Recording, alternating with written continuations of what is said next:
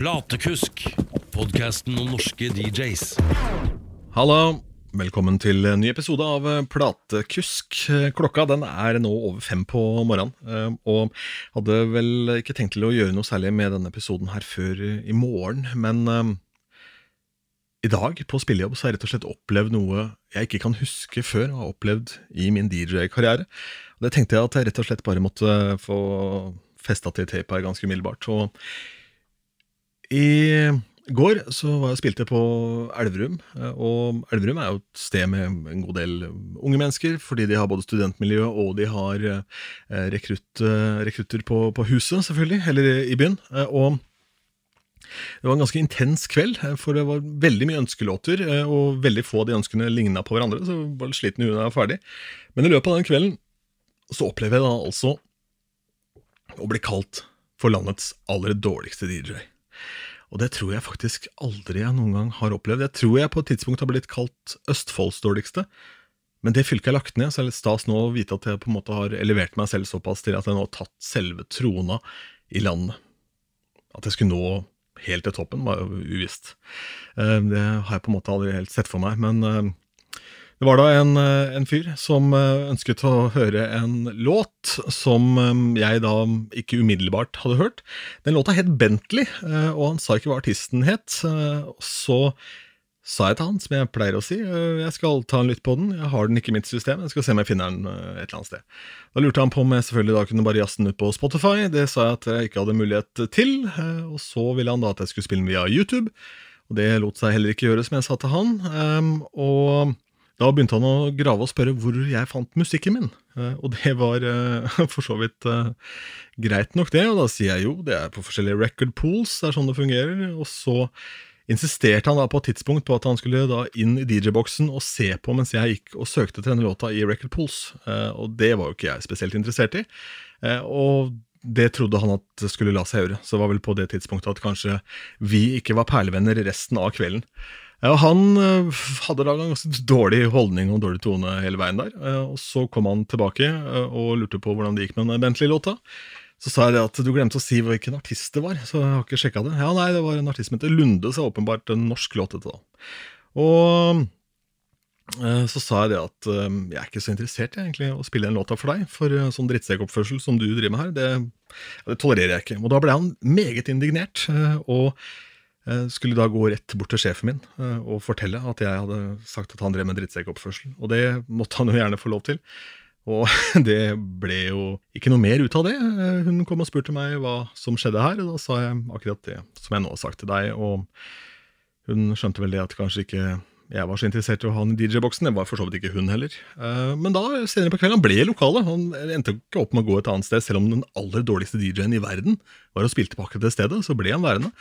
Var for så vidt veldig moro å være tilbake og på en måte kunne prøve seg litt sånn skikkelig, men man blir litt sånn sliten i hodet. for mye ønsker, og mange vil ha forskjellige ting, så det er vanskelig å sy sammen en sånn rød tråd. Lenge siden man har gjort det også, og det kjente, kjente jeg litt på underveis der. Men denne fyren vasa rundt i lokalet, og da kommer han da opp på slutten av kvelden bare for å fortelle meg at jeg var landets aller dårligste DJ. Så, om du skulle være i tvil, denne poden her er akkurat nå hosta av det som er landets ja, mest mediocre DJ. Tror dette skal gå bra, jeg. Ja. Apropos det, så skal det faktisk handle om litt av den utfordringen som eh, jeg var oppe i her nå. Ikke folk som krever å kikke på hvilke record pools jeg bruker underveis på en spillejobb, men hvordan man programmerer. altså Alle disse hemmelighetene. altså Hva er det som ligger bak? Hvilke teknikker og tanker? Det er jo litt sånn Rett og slett som et eh, sted man kanskje ikke slipper helt inn, det der i hodet på en DJ. Skal prøve å sette litt eh, ord på det, så godt det lar seg gjøre for mitt vedkommende, i hvert fall. Etter eh, ukens intervju, så få med deg det hvis du er nysgjerrig på hvordan jeg tenker, eh, og noen ting som jeg har snappa opp fra andre og blogger osv. Og også, skal jeg dele da etter at jeg har snakka med en utrolig kul dame. Hun og jeg, vi har til felles en pussig, men stor kjærlighet for Rock in peace, Demis Rosos. Vi har delt mang en gresk salat og, og prata om denne fantastiske artisten som man egentlig ikke vet hvorfor folk eh, over hele verden likte. Helle hun har blitt mamma, så hun har ikke gjort spillejobber på en stund. Men eh, hun har et og annet å dele allikevel, og det skal handle om sjangerspesifikke spillejobber denne gangen. Nærmere bestemt i rock. Det er metal og heavy som det skal dykkes ned i her. Og med det så tenker jeg at eh, jeg kan rett og slett bare introdusere deg for Helle Steinkløv. Helle Steinkløv, hjertelig velkommen til Platekusk. Takk for det. Det er hyggelig å kunne intervjue deg i en podkastsetting, det liker jeg. Ja, det er sikkert litt artig, siden det bruker å være eh, motsatt eh, ofte for min del. Jeg har jo intervjua deg i podkast før. Det har du faktisk. Jeg var med i Tonspod en gang. Ja. Da tror jeg ikke noen andre gjester kunne stille, så ble det meg.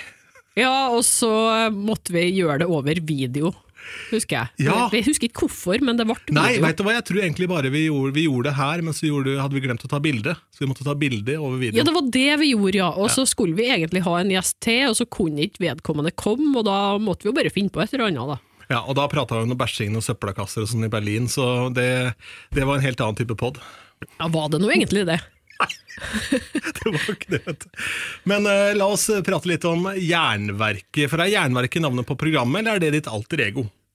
Ja, det er vel egentlig navnet på programmet og konseptet. Jeg kan ikke si at det er et alter ego, men uh, det er jo blitt en ganske svær uh, greie etter hvert. Det starta jo som radioprogram, og så ble det en podkast, og så tok jeg det etter hvert også som DJ-navnet mitt, for jeg fant ut at det var litt eh, idiotisk å kalle seg DJ Steinklein og sånne ting, når jeg allerede hadde en merkevare som var relativt kjent. Selv om DJ Steinklein er bra navn, ass. Ja, det er, ja. Jeg, jeg syns det var et toppnavn sjøl, men, men DJ Jernverket, da fikk jeg liksom en sånn komplett eh, Ja. Ja. Men eh, det er tiårsjubileum i år, er det så? Det blir vel neste år? Ja, neste november. 2022. Ja. 2022. Da er det ti år, og med Jernverket. Før den tid så var det jo flere andre forskjellige programmer, men eh, Sjølve Jernverket blir da ni nå snart i disse dager. Ja, Om du skulle være i tvil, så så handler jo dette her da om litt hardere musikk. eh, Rock, metal, heavy eh, primært. da, Og hvor kom interessen for den musikksjangeren eh, for din del? Det må ha vært mye godt eh, MTV, da. Eh, Jeg kjente jo ikke noen andre som hørte på eh, hardrock og heavy på sent 90-tall. Det var jo ikke så svært da, men det var jo fortsatt eh, litt program på MTV med det, og så begynte jo internett så vidt å få fotfeste med, ja, du vet, kassa og sånne ting. Så dukka det jo plutselig opp en del eh, helt tilfeldige filer, sånn som det gjerne gjorde den gangen. Når du søkte på noe, så fikk du fort ti andre eh, låter som du egentlig ikke hadde søkt på, og så plutselig var det noe kult der. Ja, Men så var det veldig mye som ikke var det det var. Ja, det Ja. var det òg, og det fant du jo ut etter hvert, da. Gjerne kanskje fem år seinere. Jeg tror det er mange som ikke vet det ennå. Som går og digger den låta med Pantera, som egentlig var Metallica. Ja, det, det tror, det tror jeg òg. Hæ? I så fall kondolerer. Ja, det, det ble lett sånn. Men eh, da gjorde du dette som, som radioprogram, og da eh, har du intervjua utrolig mye fete folk. Ta oss gjennom noen av liksom, toppnavnene på den lista, og de som folk kanskje kan kjenne til. da. Ja, hvis jeg skal ta dem folk kan kjenne til, så må det jo være eh, sånne som eh, Europe og Judas Priest og eh, Sepultura og Testament og, og litt sånn større eh, artister som det. Og så har jeg jo òg vært borti, for å ta noen norske store, så Turboneger, eh, blant annet.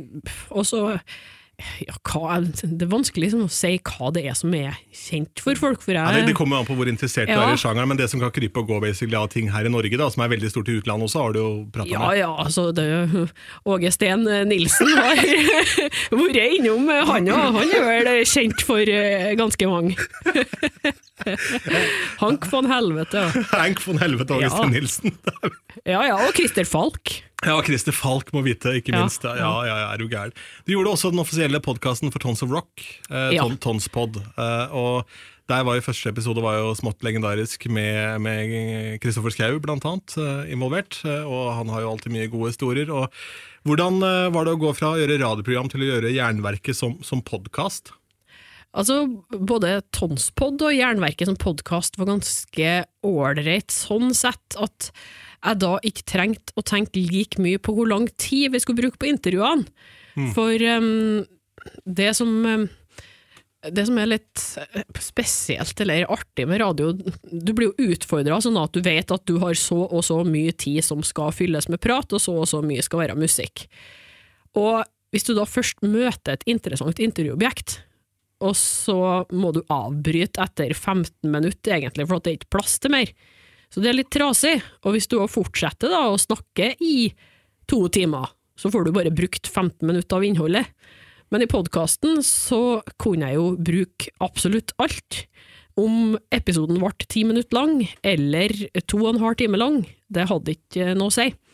Så det var litt deilig, sjøl om jeg selvfølgelig savna det musikkaspektet, da. For um, vi snakka jo en del rundt låter og musikk uh, og sånn i Jernverket som radioprogram, så den biten forsvant jo, men samtidig så fikk jeg jo mer uh, fyll i i intervjuene, og det kom lenger um, Kom dypere ned i materien? Ja, ne, under huden på artistene, da. Mm. Så Jeg husker jeg jobba i hyperkommersielle radiokanaler, og så intervjua jeg også ganske store sånne kommersielle navn. da.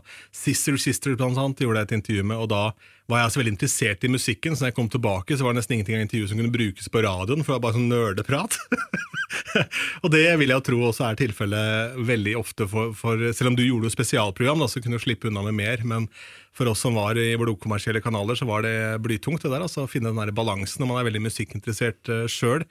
Men hvordan uh, man går da fra å gjøre disse pod-tingene og til også å gjøre det på scenen da etter hvert.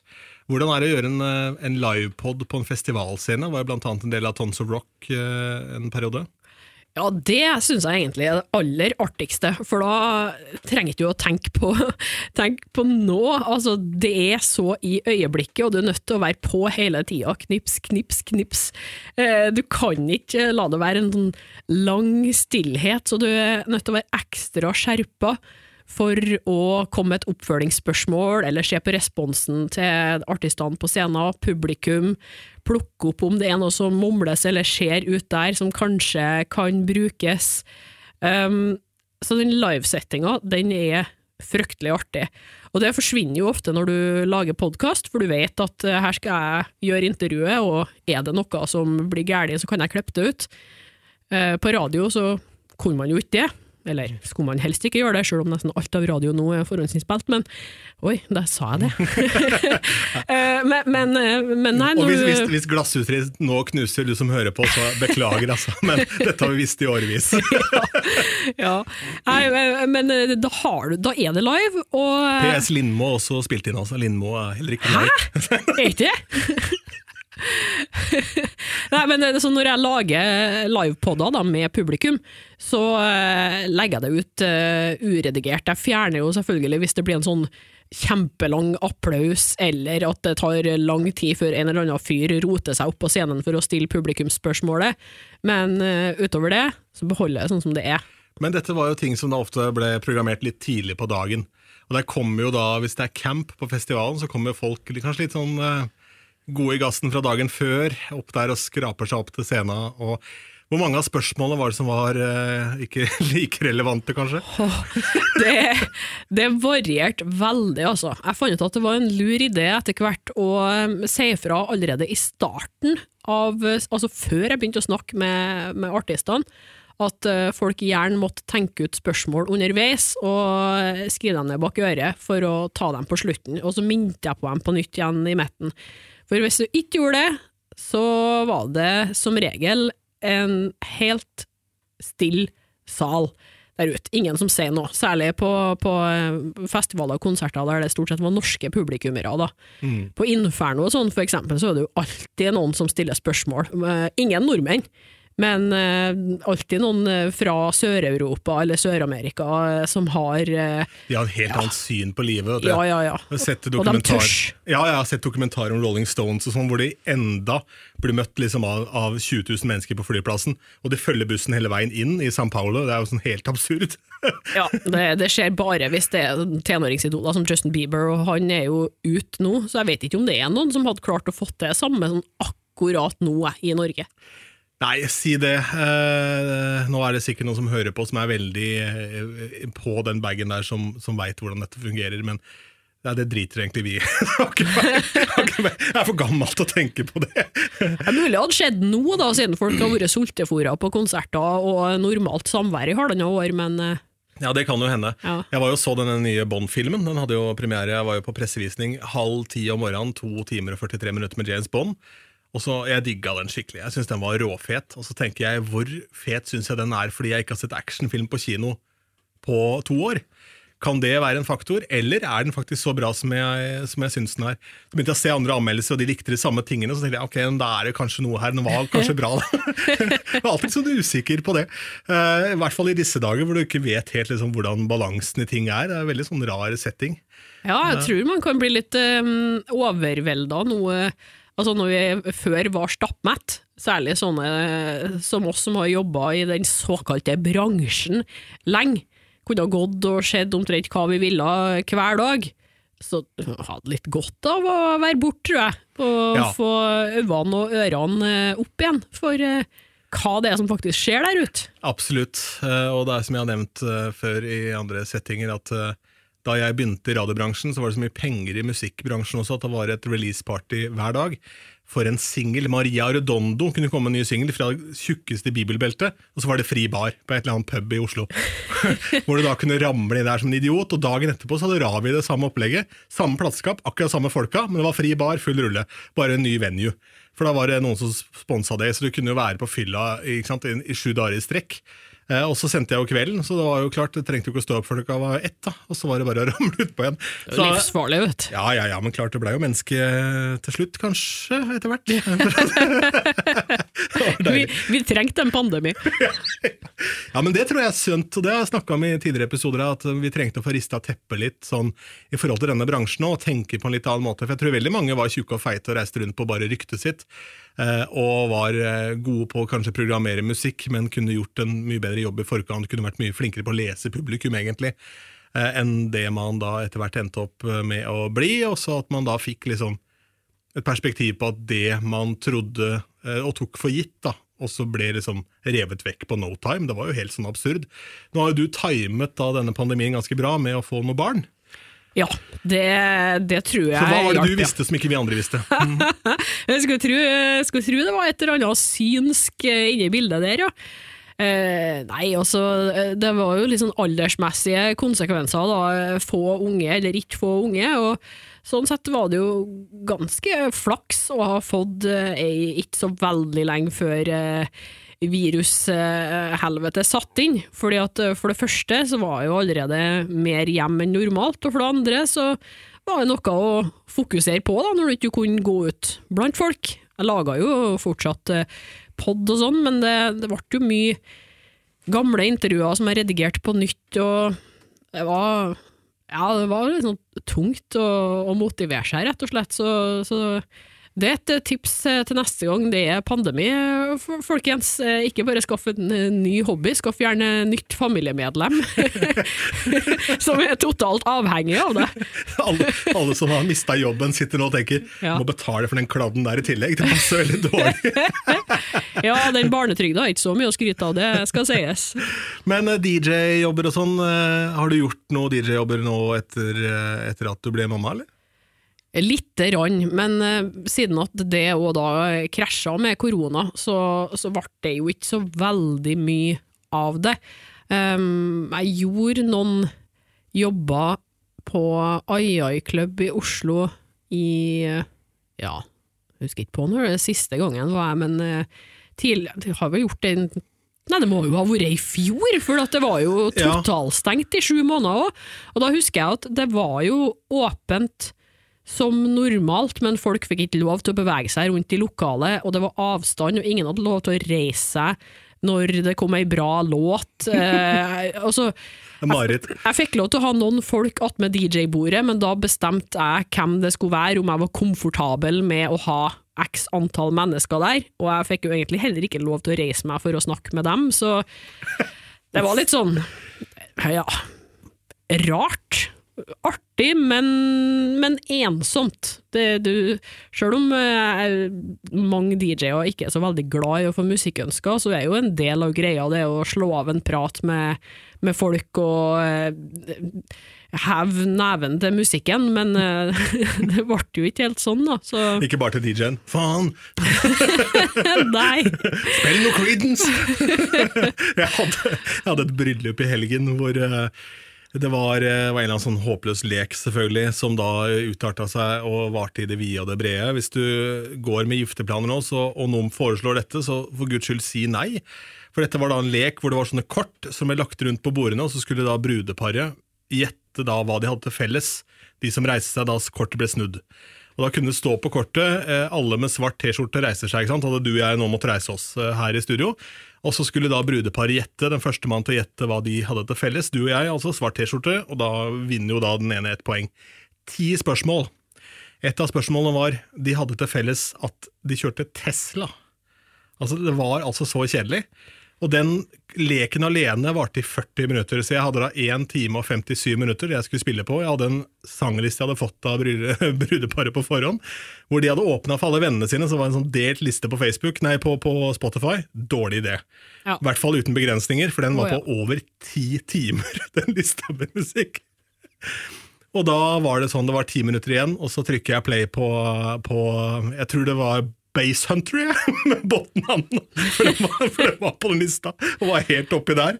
Og så kommer det en jente og sier du har kort tid igjen, og så er det dette du trykker play på. Og da tok jeg meg litt tid. Men så var det jo ønska.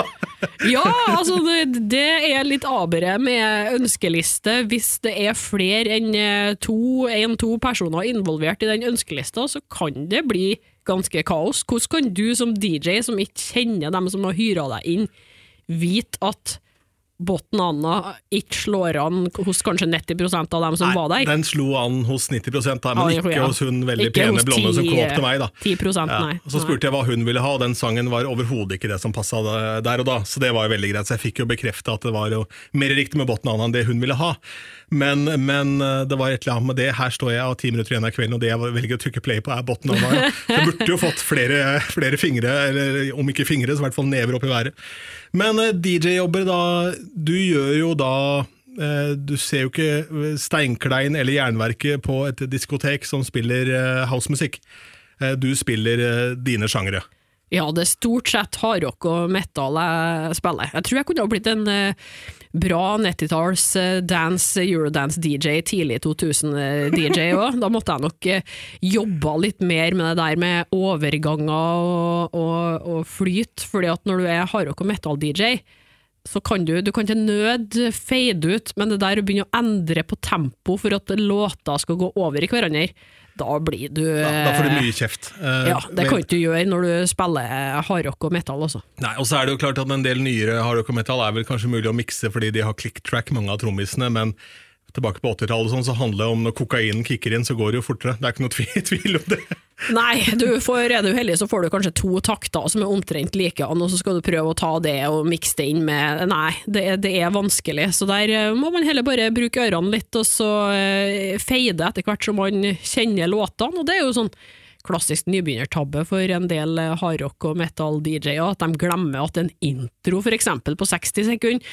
Så det der med prelytt er jo eh, veldig kjekt å ha, så man kan hoppe litt uti eh, sporet. Ja, Noen ganger så er jo det helt gull, men samtidig så er det noen ganger den introen er det viktigste. Ja. Så man må jo kjenne låtene, og her er vi da inne på det som kanskje er det aller vanskeligste i sånn sjangerspesifikk eh, DJ-jobbing, hvis ikke man spiller bare for dansing, men også for den digge-effekten og synge med-effekten, og hva er det man sier? Altså, man går veldig ofte for wow, altså så fort du får et nytt wow. Hvis du spiller et bryllup, da, så får du på en ny låt som sånn, ja, yes, det er den låta. Ikke? Den, den vil du ha mange ganger i løpet av kvelden, og det er jo akkurat det man sikkert søker også da i, i dine typer jobber, men dette her er jo også en sjanger hvor utrolig mange kan utrolig mye, og de som de som er fans, de er skikkelig hardcore fans. Hvor mye kjeft eh, altså, Eller har du såpass status at ikke du får så mye kjeft? Jeg har eh, faktisk fått utrolig lite kjeft. Um, Det er fordi du ser så søt ut. Og, ja, kanskje hjelper.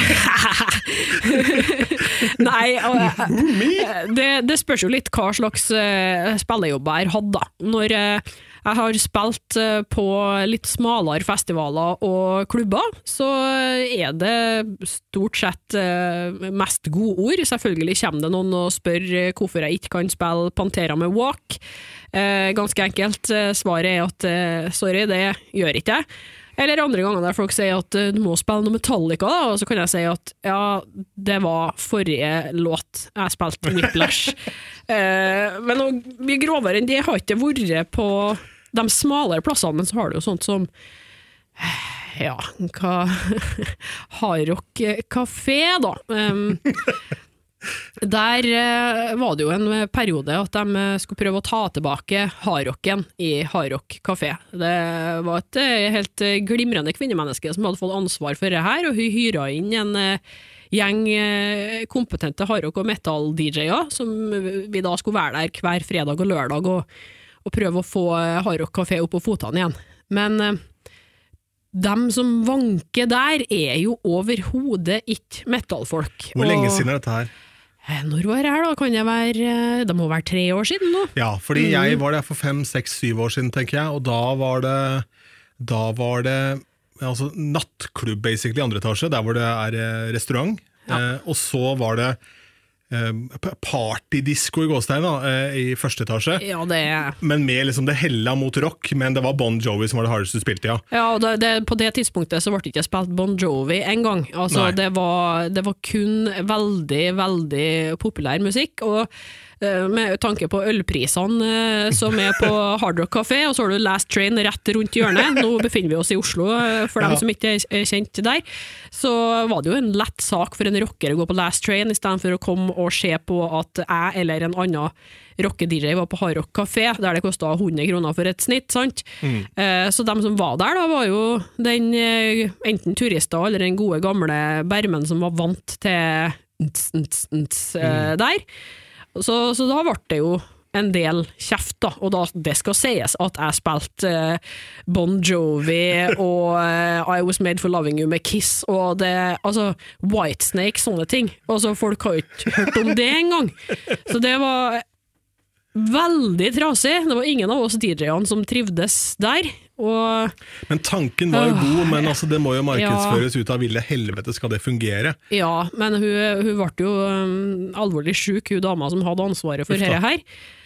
Og det, da kunne jo ikke Altså Når de ikke hadde hun bak roret, da, så eh, datt jo det hele sammen. For det var ingen andre der som tok ansvar, så etter hvert så sa jo vi opp én etter én, og orka ikke å jobbe der lenger. Og da Mm. Eh, ja, falt litt i fisk. Det var jo en fyr der en periode som booka litt hardrock-konserter og sånn òg, men eh, Ja, stemmer. stemmer. men eh, nei, jeg vet ikke helt hvordan, eh, hvordan det gikk. Det er en stund siden jeg har sett noe der nå. Så, Jeg var konferansier jeg, på Hardrock Café for uh, et Robbie Williams-party. Men det er 10-12 år siden. Da var han en av verdens største artister. Det var kult, det gjorde vi sammen med Radio 1. Det var en sånn simultan live Robbie Williams-konsert. Som da ble sendt live på radio over hele verden. Eh, og så ble det spilt da live på Hardo kafé, husker jeg. Det var en ganske fet gig. Eh, og da husker jeg at eh, den festen utarta, seg ganske bra der etterpå. Da var det en kar som dansa, og så hadde de en 06 med øl. Og han dansa altså den 06-en ut av hånda mi, jeg hadde tatt én slurk av den. Og det var, det var altså mindre øl igjen i det glasset. Det har vært mer i det glasset om jeg hadde spytta oppi det. Det.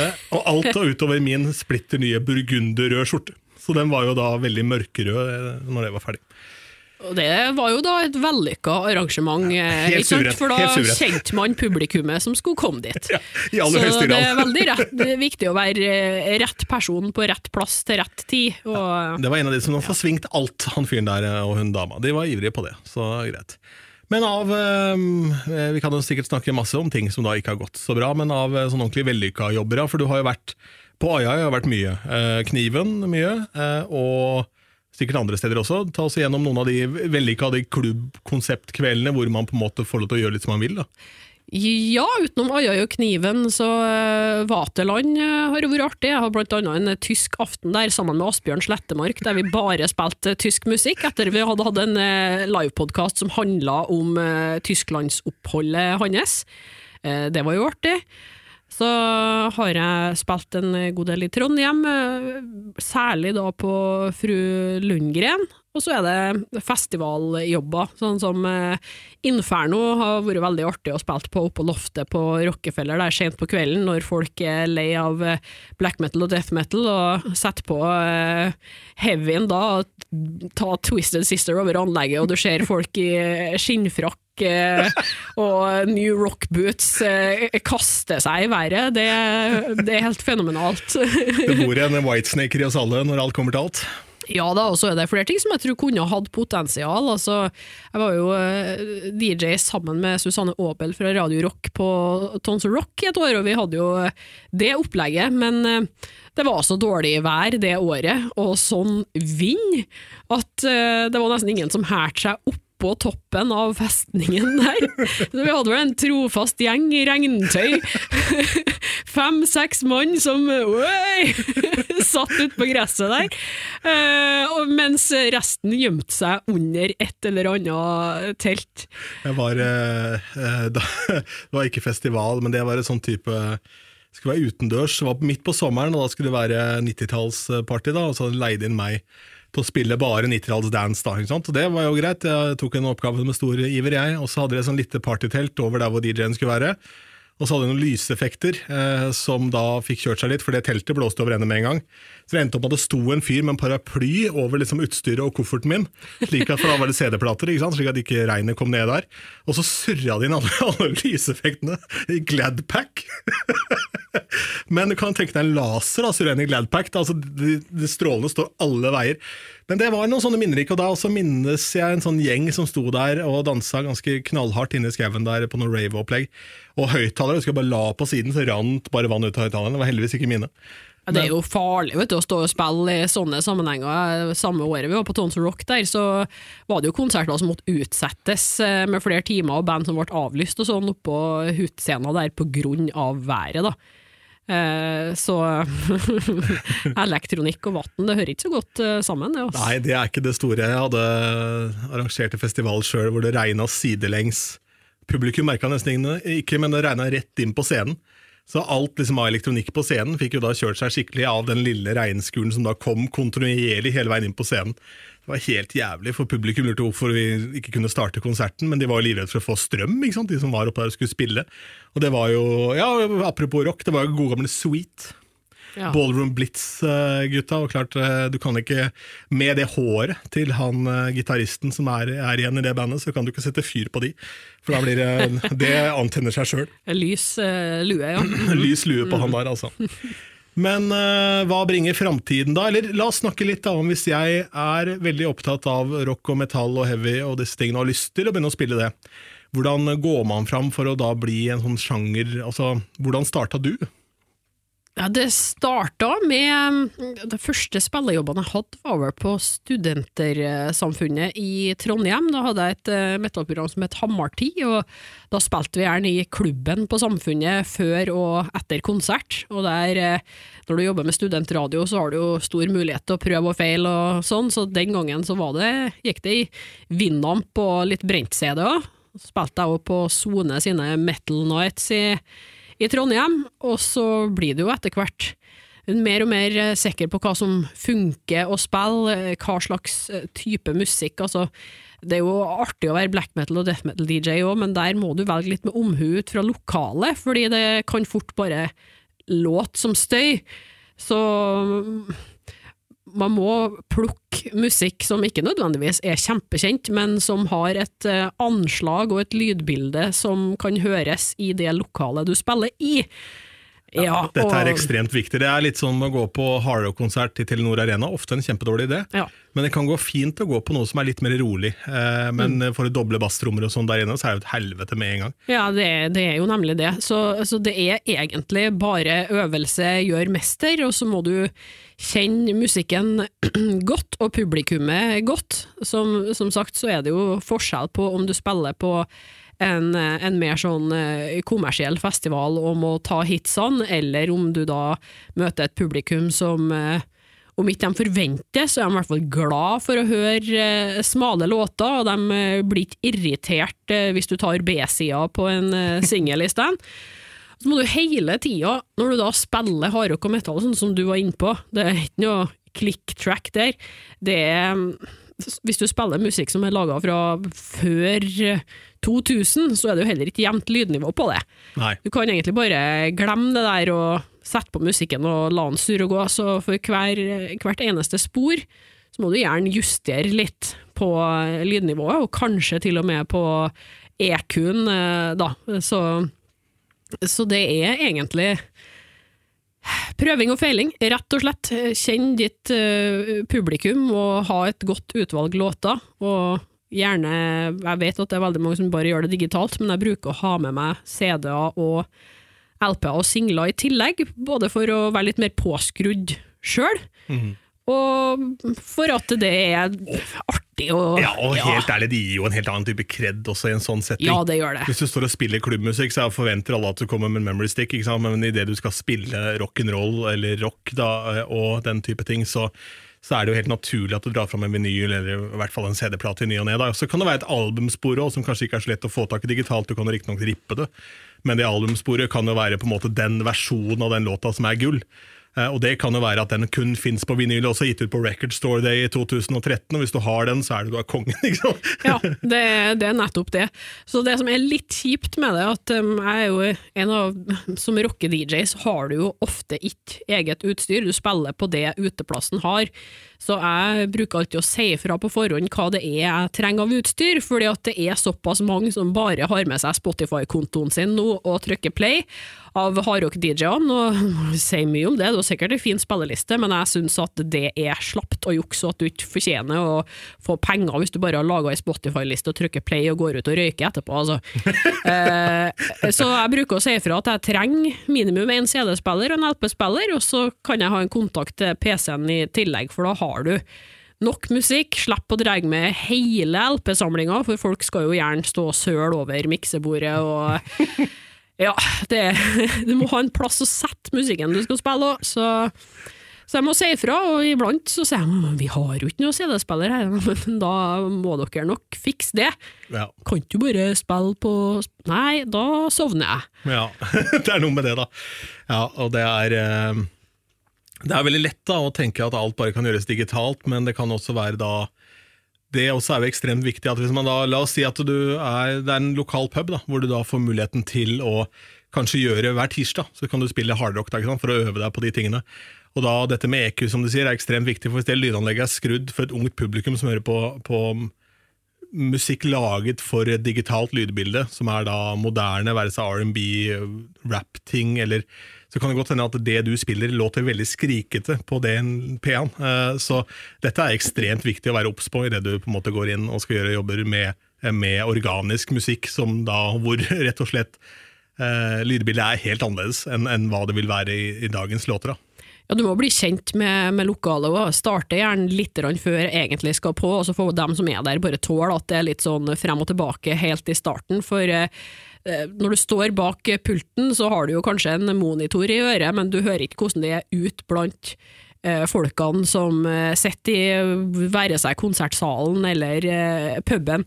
Så du må ut der og høre, og så skru litt, og så finne ut sånn omtrent hvor du skal legge deg, og så eh, blir det stort sett suksess. Du ser det på folk hvis det eh, skrikete eller eh, buldrete. Ja, og det må du finne ut av med en gang, for eh, gjerne så øker jo også volumet litt utover kvelden. Og hvis du sånn som meg da er glad i en såkalt skumpokal også, kanskje en og to og tre og fire og fem under spillejobb, så øker volumet enda mer i løpet av kvelden. Eh, Og da hvis det er skrikete fra starten, så blir det enda mer skrikete da når du kommer på en måte i de låtene som ligger i penga, kaller det da, eh, som er liksom de største hitene, for da skal jo da gjerne liksom alt skrus på maks. Så Ja, og da kommer ikke nødvendigvis folk tilbake, og det er ikke sikkert at du blir booka igjen eh, heller, med mindre plassen er desperat da, og bare må ha en DJ, sant? Men, men ofte så kan jo løsninga bare være å sette på musikk fra baren, hvis ikke du har fått tak i noen. Det kan være like greit det, hvis eh, DJ-en er en som ikke orker å tenke på hvordan det høres ut blant folkene der. Eh, så det er faktisk litt jobb, sjøl om mange tror at du egentlig bare står og trykker på en knapp. Jeg har aldri laga spillelista ferdig før jeg drar. Jeg, jeg har planlegger maks tre låter frem i tid, og det gjør jeg mens jeg står der. Men tenker på ny musikk da, innen disse sjangerne. Hvor viktig er det å forholde seg til? For de aller fleste Altså Hvis du går på metal, så kommer det jo nye ting hele tiden, og kanskje også nye band. Dette kjenner jeg veldig lite til, så her er jo du en langt større ekspert enn meg, men i forhold til heavy-ting og sånn, så er vel det beste er vel fra 80- og 90-tallet? Sånn, eh, ja, I det store og hele så kan man svare, svare ja på at mye av det beste kom ut på 70-, 80- og delvis 90-tallet, men eh, det har kommet mye bra på 2010-20-tallet òg, så jeg har absolutt eh, det med i settene. Det syns jeg er viktig, for det, jeg syns jo at en DJ skal være litt oppdragende, da. Eller om ikke oppdragende, så i hvert fall kom med noen låter som folk kanskje ikke har hørt, og som de liker umiddelbart, og tenker ah, hva er det her? Mm. Og da syns jeg det er kjempeartig når folk kommer opp og spør hva var det du spilte der? Så jeg kanskje rekruttert en uh, ny tilhenger da, til mm. et band som foreløpig er lite, og bare for å vise at det faktisk kommer bra musikk nå. Ja. Og er det noen sjangere hvor det er mulig å få til? Da? I dag så er det jo disse sjangerne her. fordi klart er det er det noe sted hvor kanskje Spotify ligger litt bak og sånn i forhold til spillelistene sine, hvor de da forteller hva som er gode ting, så er du innenfor akkurat disse sjangerne her. Fordi tilfanget er jo mindre òg, for veldig mange er glad i fysiske formater. Veldig mange er glad i det live, og er ikke så opptatt av det som skjer på plata. Men det er jo en jungel, for det kommer enormt mye innenfor metallsegmentet, og det er jo så mye drit, og jeg kjenner jo at jeg sjøl med veldig mange år eh, der eh, e-postboksen har vært full av promoer, så blir det jo litt matt sjøl òg. Du orker jo ikke å høre på alt du får.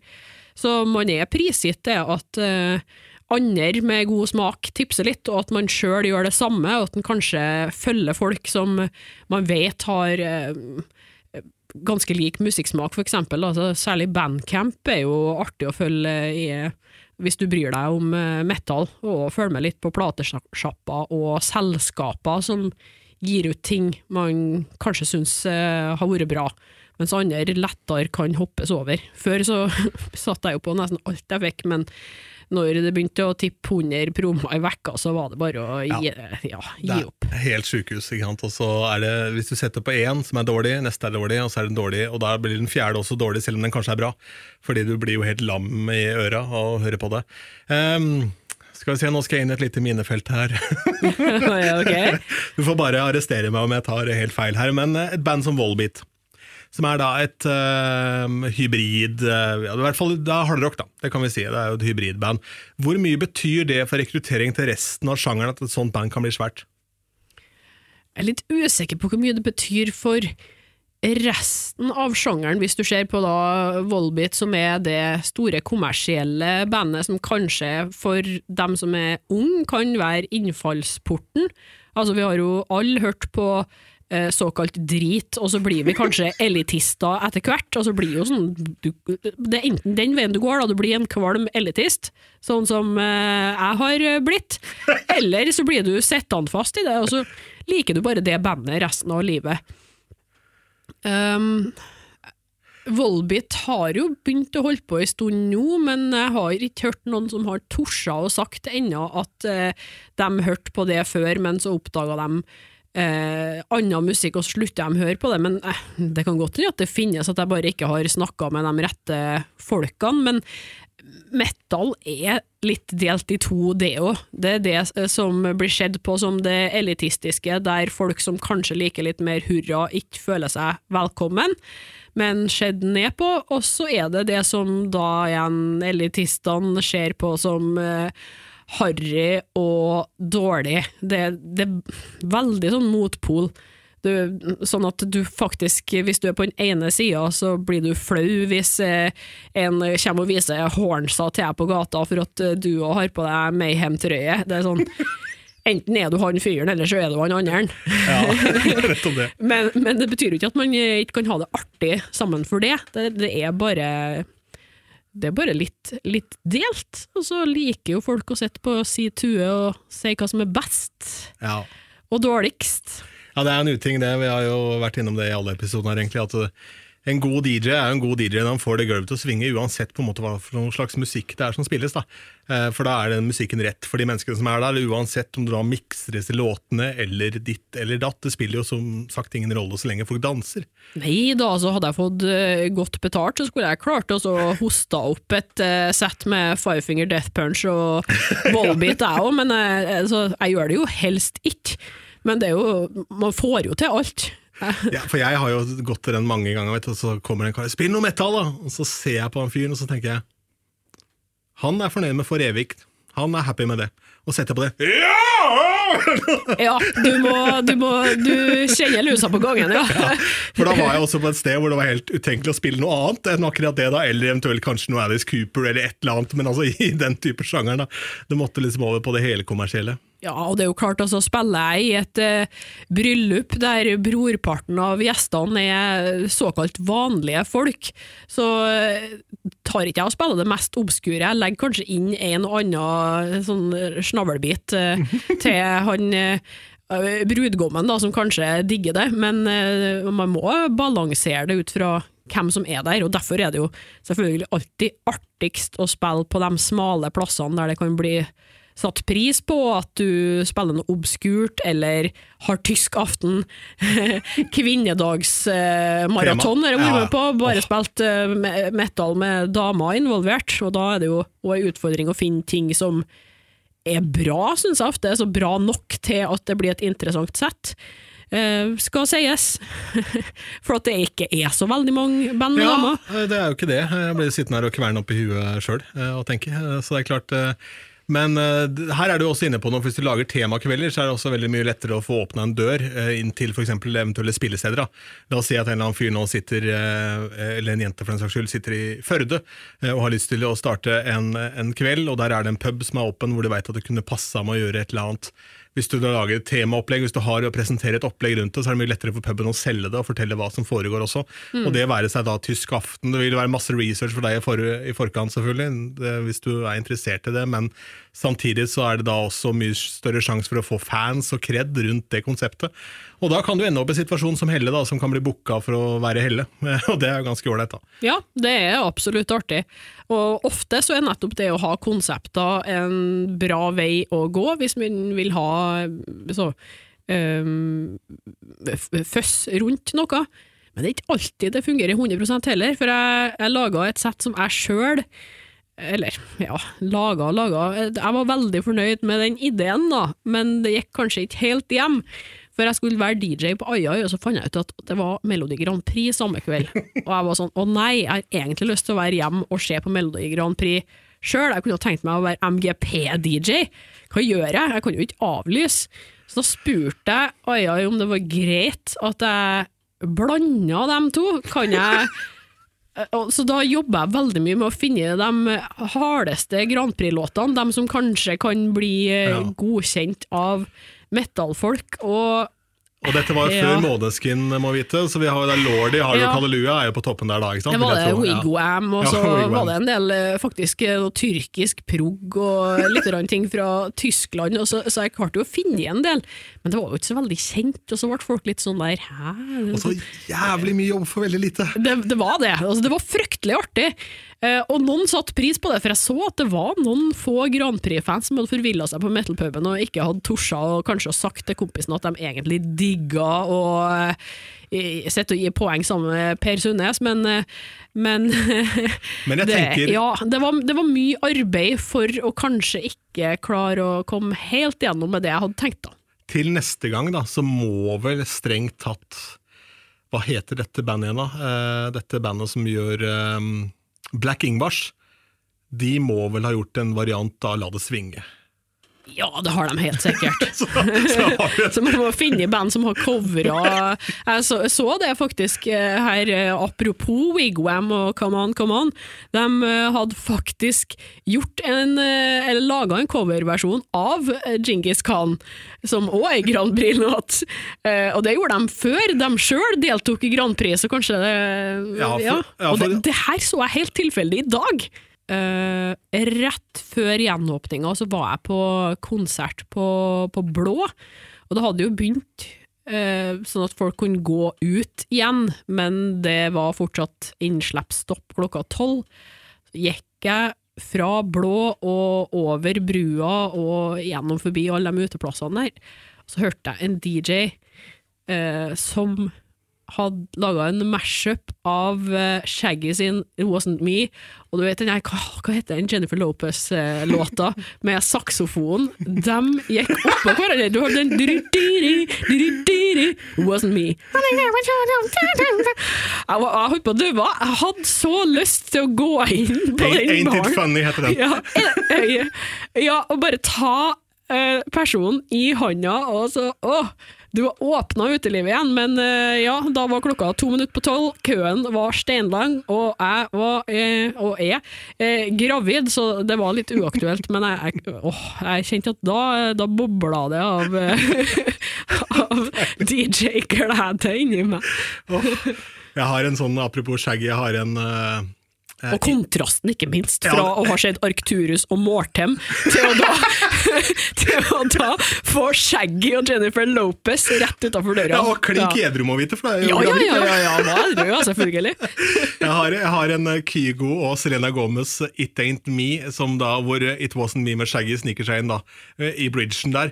Eh, Og da hadde jeg da mm, Dette her er jo før pandemien, da hadde jeg da noe noen kids på dansegulvet litt tidlig på kvelden, hvor jeg spilte den eh, versjonen. Og da hvor det liksom Første gangen det skjer, så skjønner de ikke hva som foregår. Gang nummer to så bare Fy faen, ass! Jævlig fett! og de tror jeg gjør det live, det er jo selvfølgelig bare noe dritt jeg finner på nettet. Så det var, det var jo en eller annen amerikaner som hadde smekka sammen dette her. Har jo ikke den type skills til remixer det live, jeg, men det får vi komme tilbake til. Eh, nå skal vi avslutte praten her med Hall of Fame.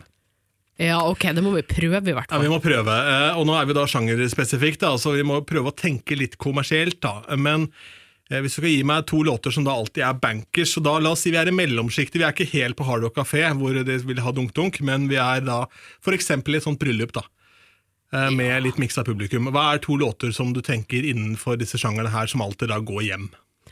Åh, vet du, det er så vanskelig i nettopp den sjangeren her, for man kan liksom tenke det at åh, nå må du avslutte med Iron Maiden og Run to the Hills, og så detter faktisk det gjennom for at publikum har sittet og venta på at jeg skulle ta et mindre kjent Iron Maiden-spor.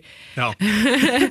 Så, så der har du det problematikken der igjen, men altså, hvis man i stedet for å være låtspesifikk, så kan jeg heller si at hvis du tar noe av det mer kjente fra Iron Maiden eller Kiss eller eh, ja, og Dio ja, og da kanskje Kiss, med unntak av I Was Made for Loving You, for det er jo en strengt Ja, tatt en diskolåt. Hvis du tar noen noe det. mer rocka av Kiss, da. Ja, du kan, eh, om du tar noen av de store 80-tallshitsen uh, uh, Heavens on Fire. eh, hev- ja, ja, ja, ja. Heavens on Fire, for eksempel. Uh, det, det, kan funke, men du kan jo ta rocken Altså, å helvete.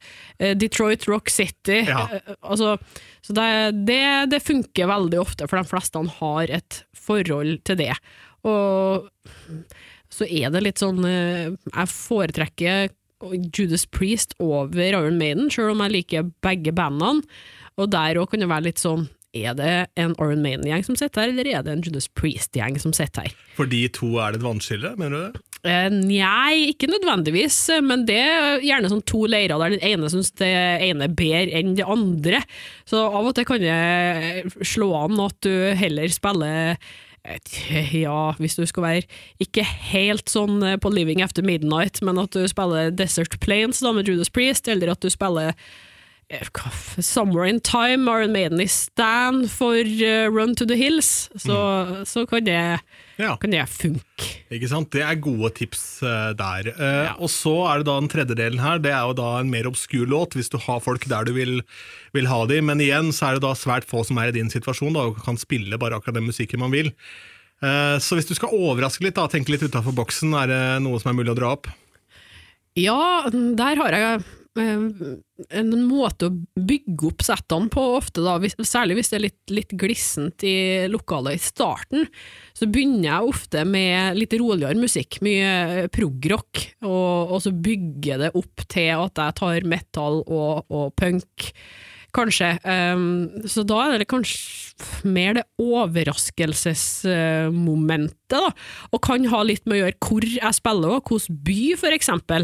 Eh, å spille eh, Vømmøl spellemannslag, det fungerer ikke i Oslo.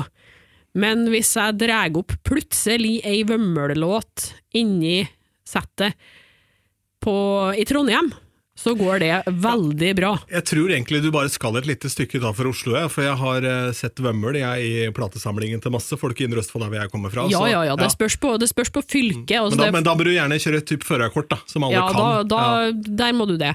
Men, eh, men eh, åh, hvor, hva, hvor var det jeg ville nå? En som har gjort til litt tradisjon, da, er å, å avslutte med en kompis av oss. Eh, Demis Rossos i front av Afrodites eh, Child. eh, the End of the World. Hvis jeg spiller den som nest siste låt, for der har du You have come with me to the end of the world. Ikke sant? Og da har du tona ned etter å kanskje ha spilt eh, en sånn ordentlig banger før det, da, og så bare sånn med, med han der, og så tror folk at det er over. Og så durer jeg på med Reidar reiser snart etter det. Helle, takk Ja. for praten. Sjøl takk.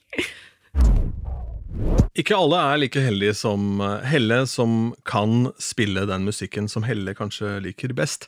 Og Derfor så hadde jeg denne uken tenkt til å snakke om da hvilke teknikker og prinsipper som man tar i bruk når man spiller for et eh, publikum. Altså hvordan man kan unngå å bli utbrent og bli drittlei av det man holder på med. Det er jo en viktig del av det å være DJ, rett og slett. For eh, sanger er hits over en ganske lang periode, og man må forholde seg til det som er populært, i hvert fall hvis man er såkalt open format da, og gjør kommersielle spillejobber. Men så dukka det opp et par mailer her i innboksen min om eh, eh, noen begreper eh, og eh, litt sånn eh, forvirring rundt dette med record pools. Noen har da tatt i bruk noen av de jeg anbefalte i forrige episode, og i den forbindelse så er det da flere som har spørsmål om forskjellige ting og tang. Og derfor så utsetter jeg da praten om eh, dette med programmering eh, spesifikt til da neste eh, episode, og dykker da heller ned i dette med begreper eh, og forskjellige varianter av sanger man kan finne da i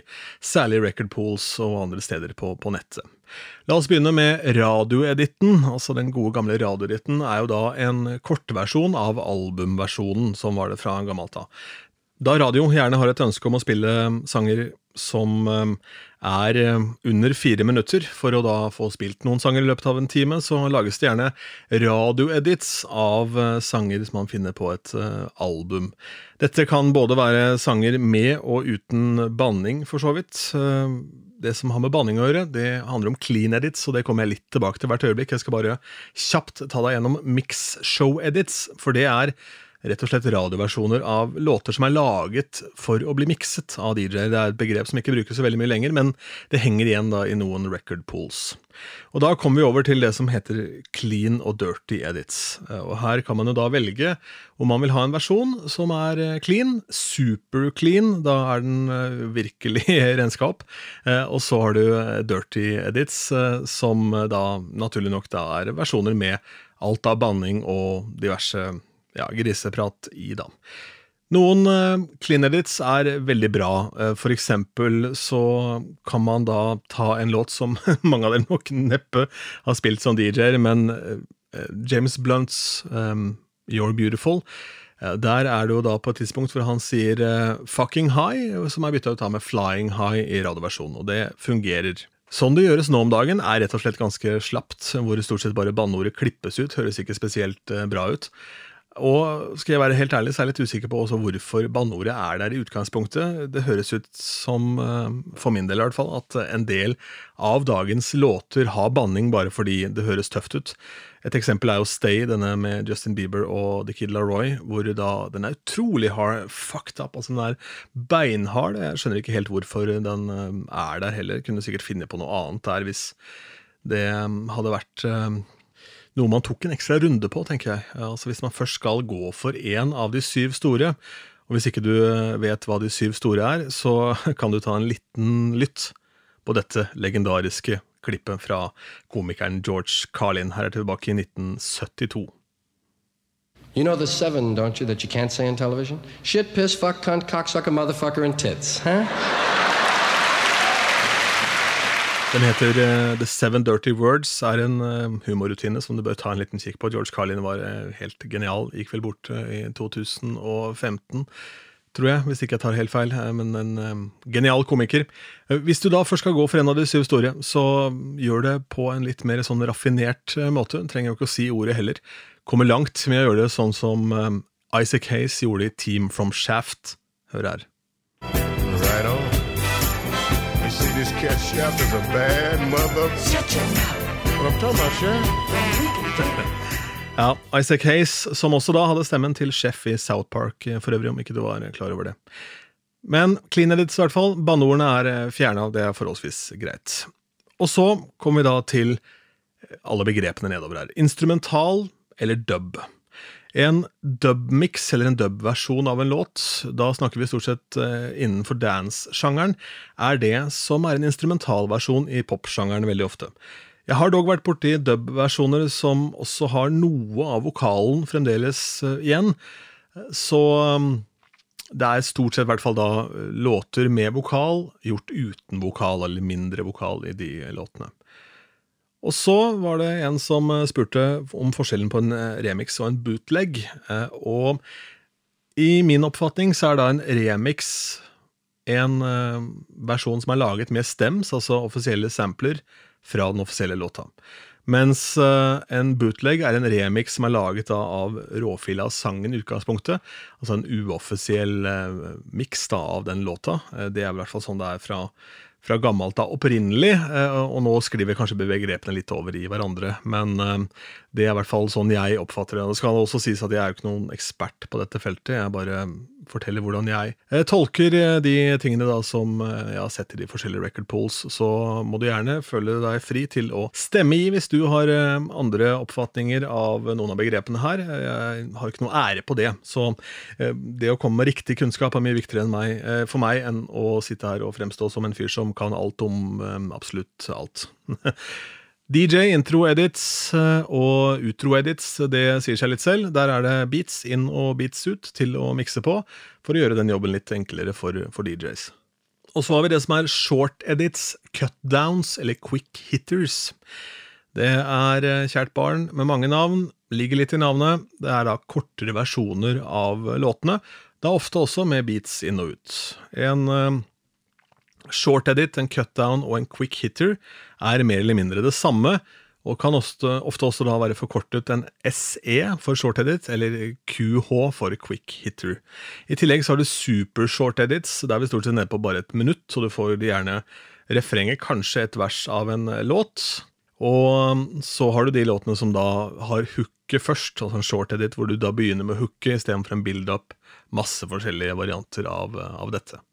Du har også noe som heter slam edits, eh, og det er eh, primært eh, da tiltenkt DJ-er som scratcher. Og det er en versjon som da gjerne går rett på, men som har på en måte et slag eller et eller annet inn som gjør at du lett bare kan smelle den inn, og så er du på en måte over i neste låt. Så begynner det å bli interessant her, for nå beveger vi oss over da et landskap hvor ting sikkert kan være litt messy og litt muddy.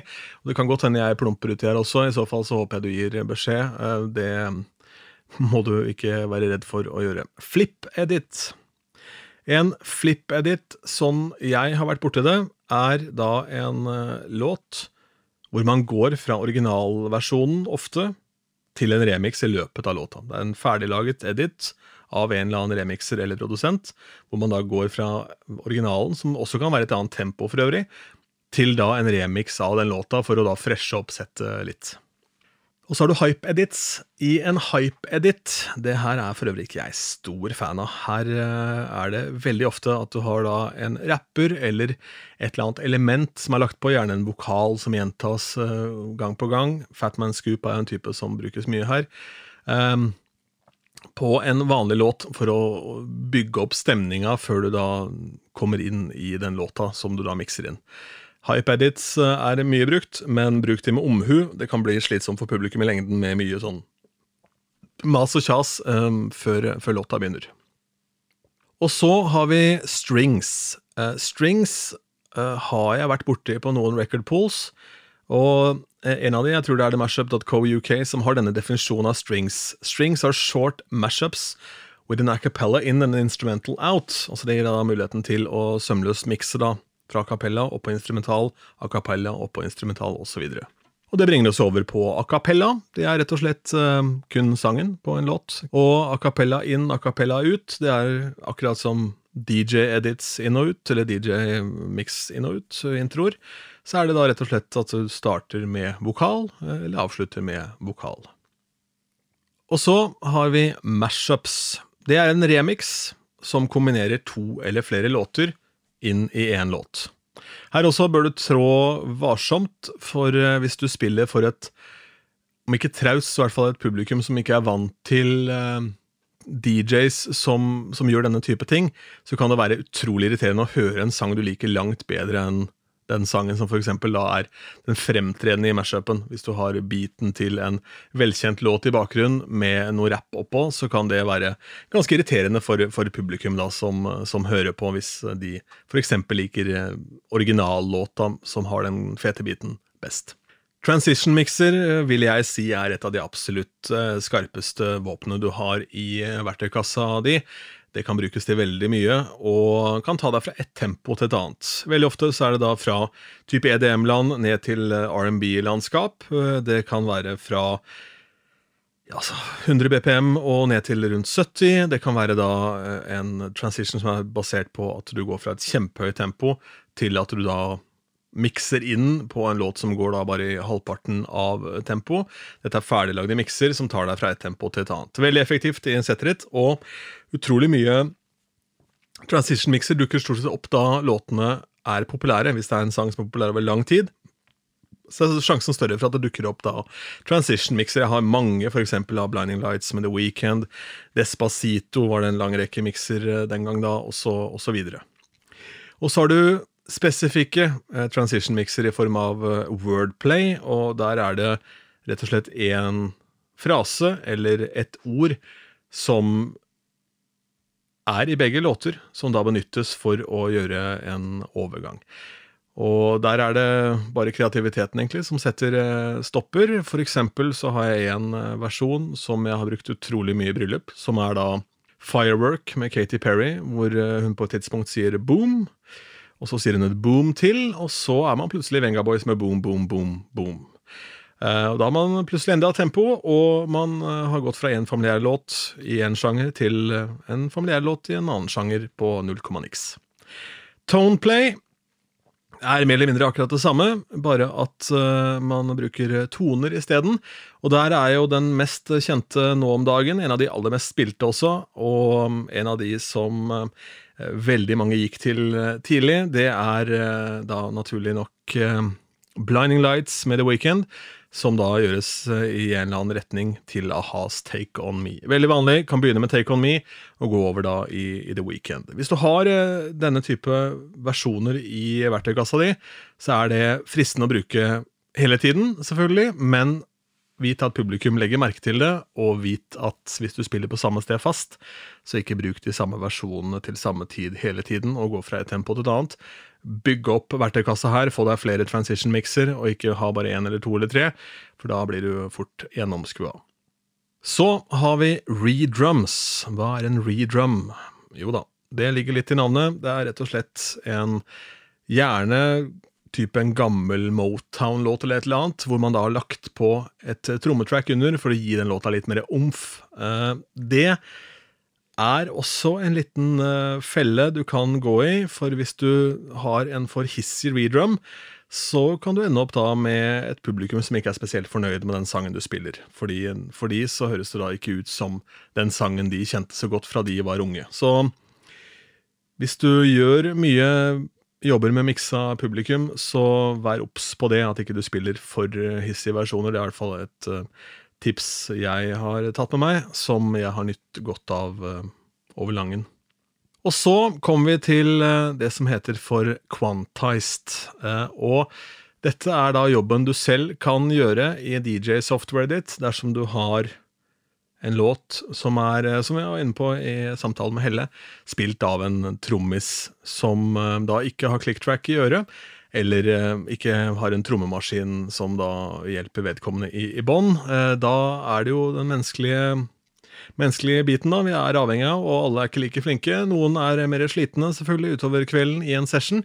Da vil det gå litt saktere. Og så er det jo sånn at en periode på, på, på 70- og 80-tallet så gikk det vanvittig mengder med kokain, og idet dopet kicker inn, så vil man også da spille litt kjappere. Det er rett og slett sånn de tingene fungerer. Og det er jo det samme hvis du da kommer med en trommesolo, eller en sånn drum fill av noe slag. Så fort du har alle disse tingene her, så vil tempoet øke eller, eller senkes i låta, og du er ute av beat hvis du er i en beatmix.